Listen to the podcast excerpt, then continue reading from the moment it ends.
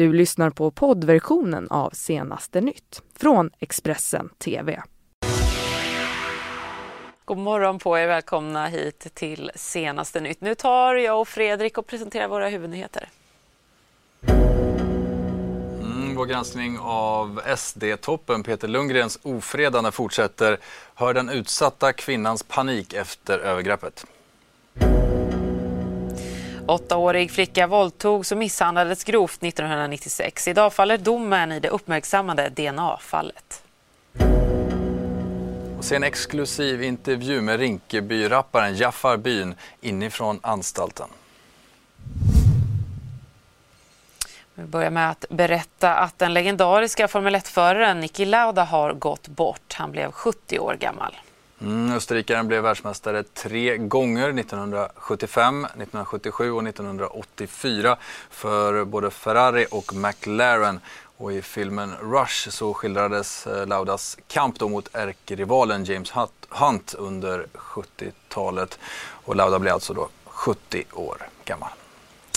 Så till vårt avslöjande om hur Sverigedemokraternas toppman inför EU-valet nu på söndag, Peter Lundgren, ofredat en partikollega genom att mot hennes vilja hålla fast henne och tagit henne på brösten.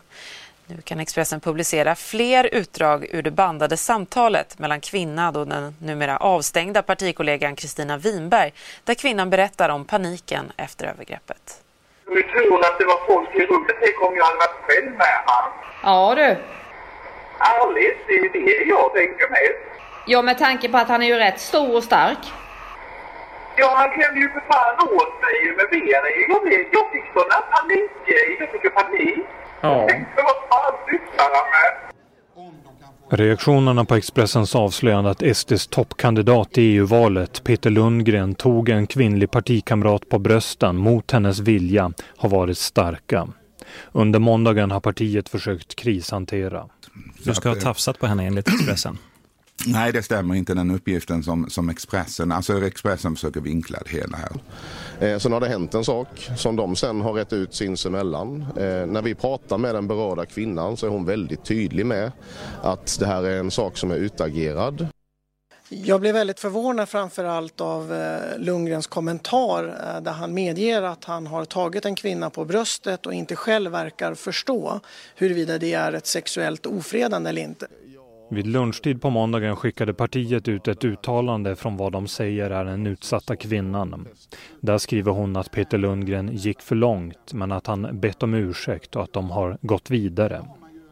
Expressen kan nu publicera nya delar av de bandade telefonsamtalen mellan kvinnan och EU-parlamentarikern Kristina Winberg som i söndags kväll ströks från partiets EU-lista. Gång på gång berättar den utsatta kvinnan att hon fick panik av Lundgrens beteende och att han höll fast henne. Händerna upp och in innanför benen så jag kom inte loss. Han höll, det blev inte liksom, man knep ju med... Bena. Ja, jajamän.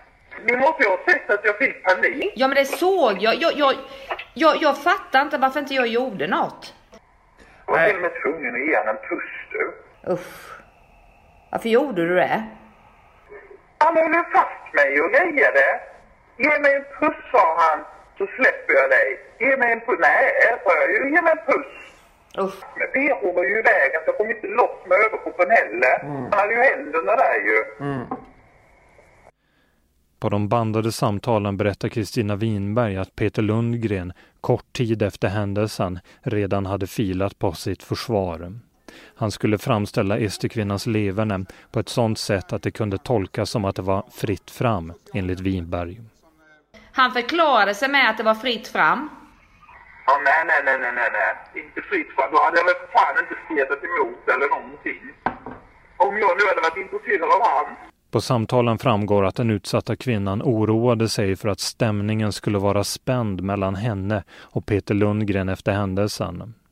Hon funderade då på att ringa honom eftersom hon kände ett ansvar för att reda ut det hela. Är det så här ett offer känner att, att du ska liksom fixa det här? Nej, jag vet inte. Men det, det känns ju så.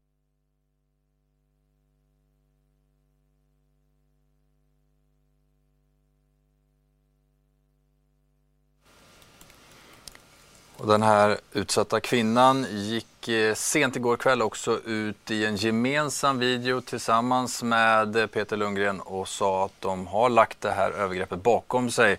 Och enligt eh, Sverigedemokraternas partiledare Jimmy Åkesson, som ni också hörde där i inslaget, så har partiet fortsatt förtroende för Lundgren.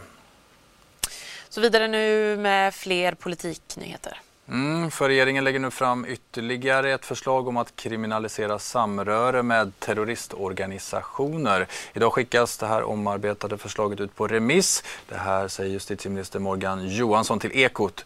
Förslaget är en omarbetad version av den version som skickades in i februari och som lagrådet ansåg kunde strida mot grundlagen. Och så fokus på EU-valrörelsen. Socialdemokraterna har varit drivande när det gäller den så kallade sociala pelaren som är en slags avsiktsförklaring om ökade sociala rättigheter inom unionen. Men toppkandidaten för Socialdemokraterna, Helene Fritzon, vill inte att lagar om detta stiftas på EU-nivå. E Hon ser snarare att varje EU-land jobbar med rättigheterna på nationell nivå.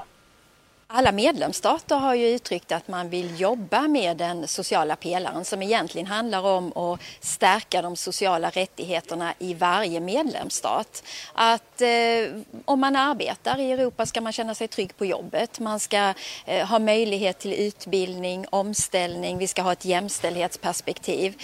Allt det som vi har jobbat med i Sverige under lång tid eh, kan man säga i, i, den, i den svenska modellen. Eh, det tycker vi är viktigt att man gör också på bredden i, i alla medlemsstater. Så att det, jag är ytterst förvånad att vi har fått den debatten i Sverige. Eh, att faktiskt högerpartierna väljer att aktivt gå emot det här arbetet när medlemsstaterna tycker att det är viktigt. Mm, det har ju som bekant också visat sig vara väldigt svårt att driva igenom en gemensam flyktingpolitik inom EU. Och från Moderaternas håll så vill man se en gemensam asylprövning inom unionen och att länder som är villiga att ta emot eh, flyktingar då ska göra det utifrån kvoter, eh, kvoter som man själva har satt upp. Moderaternas toppkandidat Thomas Tobé vill även att Sverige tar emot färre flyktingar de närmaste åren. Ja, men det viktigaste det är ju att vi får mer kontroll på invandringen eh, till Europa. Eh, Sverige har tagit ett alldeles för stort ansvar och behöver ha lägre invandring över lång tid för att hantera mycket av de segregationsproblem som vi har. Hur ska man få en bättre gemensam EU-politik inom migrationen utan tvingande asylfördelning? Jag tror att invandringspolitiken behöver förändras i grunden. Mer kontroll vid yttre gränsen så vi har kontroll på vilka människor som kommer hit. Gemensam asylprövning. Och har du rätt till asyl då får du möjlighet att komma in i Europa. Men har du inte rätt till asyl nej, då får du inte möjlighet att komma in i Europa. Så kan vi få en mer ordnad invandringspolitik. Och kinesiska Huawei de tillåts nu uppdatera sina telefoner i tre månader till. Detta trots då att USA har svartlistat företaget och Google har dragit in den kinesiska tillverkarens Android-licens. Det här rapporterade Verge om. Efter den 19 augusti så kommer Huawei bara ha tillträde till de delar av Android som då har öppen källkod. Huawei är världens näst största tillverkare av smartphones. Endast sydkoreanska Samsung är större. Huawei har 29 procent av den europeiska telefonmarknaden enligt analysföretaget IDC. Och idag Fredrik så faller domen i det mycket uppmärksammade Billdalsfallet där en 58-årig man står åtalad för att grovt ha våldtagit en 8-årig flicka för 24 år sedan. Mm, det här fallet är ju speciellt i och med den familjesökning baserat på DNA som polisen då numera har möjlighet att göra. Och det var ju februari i år som en man kunde gripas efter att ha då hållit sig undan polis i två veckor. Detta bara ungefär ett år innan fallet skulle preskriberas. För 24 år sedan cyklade den då åttaåriga flickan hem från skolan i Bildal i Göteborg. I närheten av ett skogsområde överfölls flickan av en man. Han slår henne i huvudet flera gånger och till slut så spricker hennes cykelhjälm av slagen. Han bär sedan in henne i ett skogsområde. Där våldtar han flickan som får stora skador som följd. Efter sig lämnar han sperma på både flickan och på hennes kläder. 24 år senare, vid årsskiftet 2018-2019, så blir det möjligt för polisen att göra så kallade familjesökningar på DNA-spår. Sökningen på spåren i Bildal, de leder fram till en idag 58-årig man. Den nu misstänkte så kallade Bildalsmannen, han håller sig undan polisen i två veckor innan han kan gripas. Mm, och eh, idag så faller alltså domen i det här fallet. Det kommer vi naturligtvis rapportera om. Mm, ett annat kriminalfall. Där inleds det rättegång idag. Det handlar om ett nätverk där tre kvinnor ska ha fotat nakna barn och sen sålt de här bilderna och filmerna till pedofiler. Barnen ska ha funnits i de här kvinnornas närhet. Mm, det är 12 barn i förskole och skolålder som ska utsatts för våldtäkt och sexövergrepp enligt eh, utredningen. Och några av bilderna som nätverket spridit är smygtagna foton och filmer på ännu icke identifierade barn på, på badstränder eh, och även i omklädningsrum. Och när målet nu går upp till tingsrätten blir därför en central fråga för rätten eh, när liksom en, en, bild på ett, eh, ett, eh, eller en film på ett barn blir brottsligt och när det inte är det. Mm, följer naturligtvis det fallet också. Um, en annan sak som vi på Expressen har rapporterat en hel del om det är gängbrottsligheten i förorterna och eh, bröderna Byn där då Jaffar Sadik, mer känd som Rinkeby-rapparen Jaffar Byn, just nu avtjänar ett fyra år långt fängelsestraff på Hällbyanstalten och det handlar om grovt vapenbrott där. Han har stämplats som gängkriminell i nätverket Shottaz och var eh, som eh, rivaliserar med gruppen Dödspatrullen och hittills har det kostat sju dödsoffer. Eh, men han vill inte själv kännas vid att han ingår i ett gäng. Expressens Fredrik Sjöshult har, Sjöshult har träffat eh, honom i fängelset där han berättar om sina framtidsplaner inom musiken och hur han ser på att han kallas för just gangsterrappare. Och det är de som tror att jag glorifierar det här livet.